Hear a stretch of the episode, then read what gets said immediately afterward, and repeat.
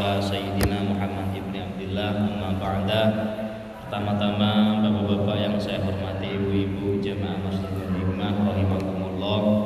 Pertama marilah kita puji syukur kehadirat Allah Subhanahu wa taala atas limpahan rahmat yang telah Allah curahkan kepada kita. Salawat dan salam semoga tercurahkan kepada baginda Nabi Muhammad sallallahu alaihi wasallam yang kelak semoga kita semua bersama masuk ke surganya Allah dengan Nabi Muhammad sallallahu alaihi wasallam. Mengawali pada malam hari ini marilah kita uh, membaca suratul Fatihah dengan harapan apa yang kita dapatkan di malam hari ini benar-benar membawa dampak maslahat kepada diri kita dan kehidupan kita. Ila niyyah wa ila kulli niyatin shalihan syai'un lahumul Fatihah. A'udzu billahi minasyaitonir rajim. Bismillahirrahmanirrahim. Alhamdulillahirabbil alamin arrahmanir rahim maliki yaumiddin. Iyyaka na'budu wa iyyaka nasta'in ihdinas siratal mustaqim siratal ladzina an'amta 'alaihim ghairil maghdubi 'alaihim waladdallin. Amin. Bismillahirrahmanirrahim. Al-hadis 20. Hadis yang ke-20. Alhamdulillah perjalanan uh, Arba'in Nawawi ini sudah sampai di hadis yang ke-20. Kalau Arba'in itu artinya 40 40 hadis.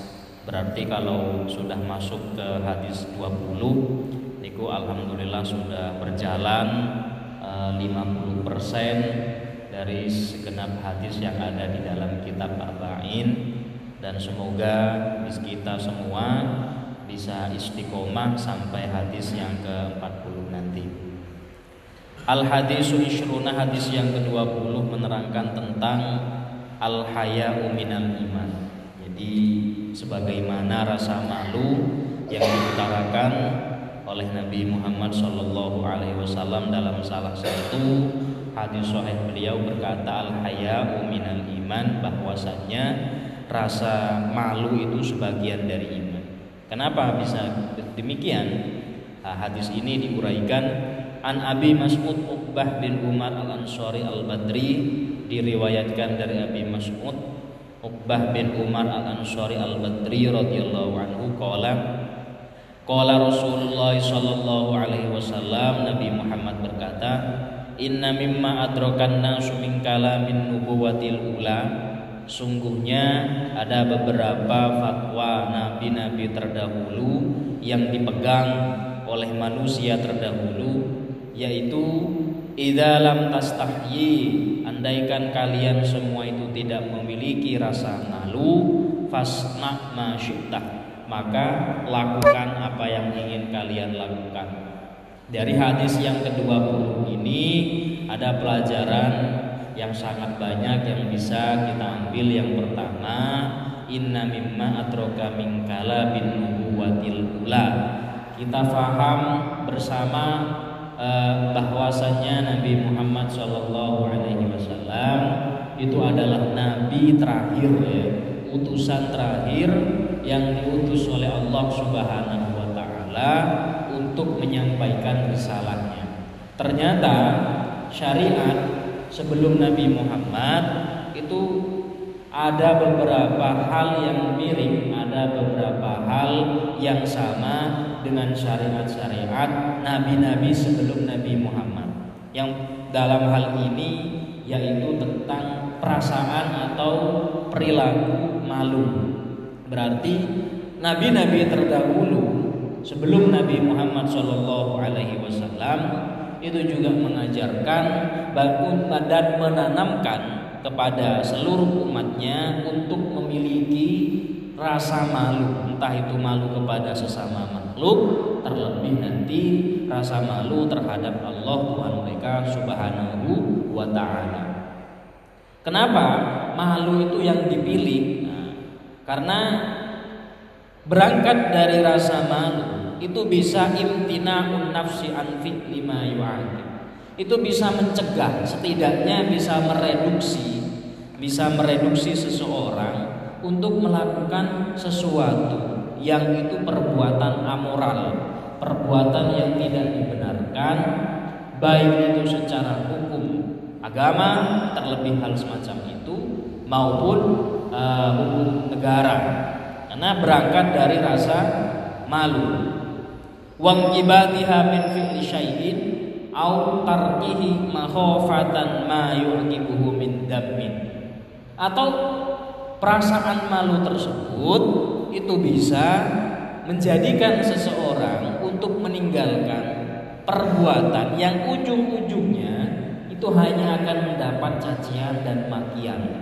Sebagaimana kita sebagai orang yang normal dan sehat tentu akan merasa malu kalau kita berjalan secara telanjang di keramaian umum karena kita tidak mau dicemooh atau tidak mau dikunci atau kita tidak mau dikata-katain oleh orang oleh halayak ramai.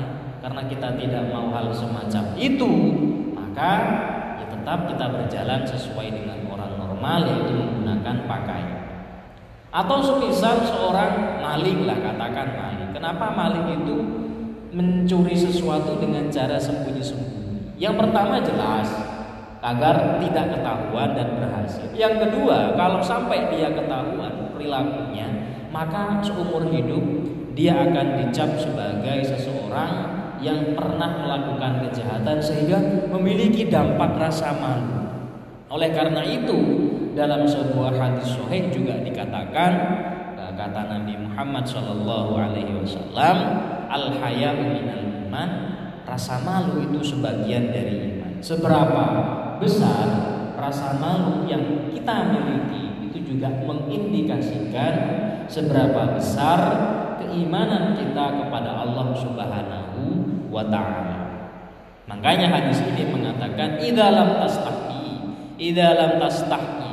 Kalau kalian tidak malu, tidak memiliki rasa malu, baik kepada manusia terlebih kepada Allah Subhanahu wa taala, fasna masyita. Lakukan apa yang ingin kalian lakukan mau itu merugikan orang lain, mau itu maksiat kepada Allah Subhanahu wa taala, mau itu apa pun silahkan. Karena ujung-ujungnya kalau dalam agama perbuatan apa pun itu pasti akan dibalas. Karena dalam satulah satu keterangan juga dikatakan al haya. Malu itu ada dua. Yang pertama al haya fitri, yaitu wa huwa ma kana khalqan wa jibillatan ghairu muttasiban. Yang pertama malu di mana malu tersebut adalah sebuah sifat bawaan yang dimiliki oleh manusia. Kita tidak perlu berusaha, kita tidak perlu eh, apa namanya terpancing oleh suasana dan keadaan tertentu untuk menampilkan rasa malu semacam ini karena hal ini sudah secara alamiah dimiliki oleh setiap manusia. Makanya yang pertama itu namanya adalah al-hayat al-fitri, yaitu rasa malu yang dibawa sejak kita lahir. Rasa malu semacam ini bisa yang dikatakan oleh Nabi Muhammad al-hayatu syubbatun min syubbil iman.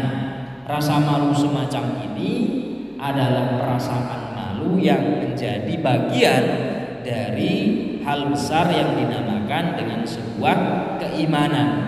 Dengan rasa malu semacam ini yang fitri tersebut itu bisa memproteksi, bisa melindungi, bisa mencegah pribadi seseorang untuk tidak melakukan perbuatan yang keji, tidak melakukan perbuatan yang melanggar dan lain semacamnya. Ini adalah perasaan malu. Ya, contoh tadi sederhananya. Kita merasa malu ketika harus telanjang dan berjalan di jalan raya. Karena itu akan berdampak terhadap pandangan orang lain kepada kita. Itu dinamakan al-hayau. Rasa malu yang kita bawa sejak kita eh, apa namanya? kita lahir. Yang kedua, wafanihima rasa malu al al muktasab rasa malu itu bisa ada bisa muncul itu dengan usaha wa huwa ma kana muktasaban min ma'rifatillah wa ma'rifati 'azamatihi wa qurbihi min ibadihi. Rasa malu semacam ini itu bisa dihasilkan karena jauhnya karena saking eh, apa namanya tingginya kita mengetahui, kita yakin, kita utuh kepada sifat-sifat keagungan yang dimiliki oleh Allah Subhanahu wa taala. Lalu apa yang dihasilkan dari rasa malu semacam ini? Wal muslim alladhi yas'a fi kasbi wa tahsil hadzal ayat innama yuhaqqiqu fi nafsi a'lal khisalil iman wa a'la darajatil ihsan. Seorang hamba yang mengetahui betapa malunya dirinya ketika dihadapkan ketika dihadapkan bukan dengan Allah ya tapi dihadapkan dengan jutaan nikmat yang telah Allah berikan kepadanya harusnya dia malu untuk tidak berbakti kepada Allah untuk tidak untuk tidak melanggar semua peraturan Allah harusnya dia punya rasa malu jadi malu yang semacam inilah yang dihasilkan oleh manusia ketika keimanannya bertambah. Karena semakin dia menjauhi larangan Allah bukan karena takut akan siksaan Allah, tapi dia menjauhi semua larangan dan melaksanakan perintah Allah karena dia merasa malu. Malu atas semua yang telah Allah berikan ternyata tidak sebanding dengan amal ibadahnya tidak sebanding dengan perbuatannya baik kepada makhluk terlebih kepada Allah Subhanahu wa taala. Sama semisalkan kita merasa malu dengan satu orang, satu tetangga, satu institusi yang sudah memberikan kebaikan terhadap kita. Kok kita berani mengganggu mereka? Setidaknya kita tidak bisa membalas mereka, maka seyogyanya sebagai orang yang diberikan kebaikan oleh orang lain, kita mendoakan kebaikan terhadap orang tersebut. Kita malu tidak bisa membalas kebaikan orang tersebut. Nah ini adalah Tuhan kita bersama yaitu Allah Subhanahu wa taala yang sudah menganugerahkan begitu indahnya kehidupan di dalam kita, keluarga yang harmonis, rumah tangga yang bahagia, tetangga kanan kiri yang mendamaikan, pekerjaan yang tidak menyulitkan, dan lain semacamnya. Terlebih kesehatan yang hingga detik ini kita nikmati itu semua bagian dari nikmat yang sudah Allah berikan kepada kita. Kok kita enggan untuk berbuat baik kepada Allah maka di situlah rasa malu yang sebenarnya yang bisa kita hasilkan. Jadi kalau kita beribadah karena takut akan neraka yang diancam oleh Allah berarti level ibadah kita masih sebatas pedagang di mana kita menghitung untung dan rugi. Tapi orang yang keimanannya semakin naik maka baktinya kepada Allah baik itu atas perintah dan larangannya bukan karena janjinya tapi karena rasa malu terhadap semua nikmat yang sudah diberikan oleh Allah Subhanahu wa taala. Semoga kita semua dijadikan hamba-hamba yang benar-benar mendapatkan inayah, harokat dan manfaat dari Allah Subhanahu wa taala serta semakin didekatkan kita kepadanya baik dengan perbuatan, ucapan dan lain semacamnya. Akhirul qauli dari kami sekian mohon maaf apabila ada kurang lebihnya semoga dimaafkan. Wallahul muwafiq ila Assalamualaikum warahmatullahi wabarakatuh.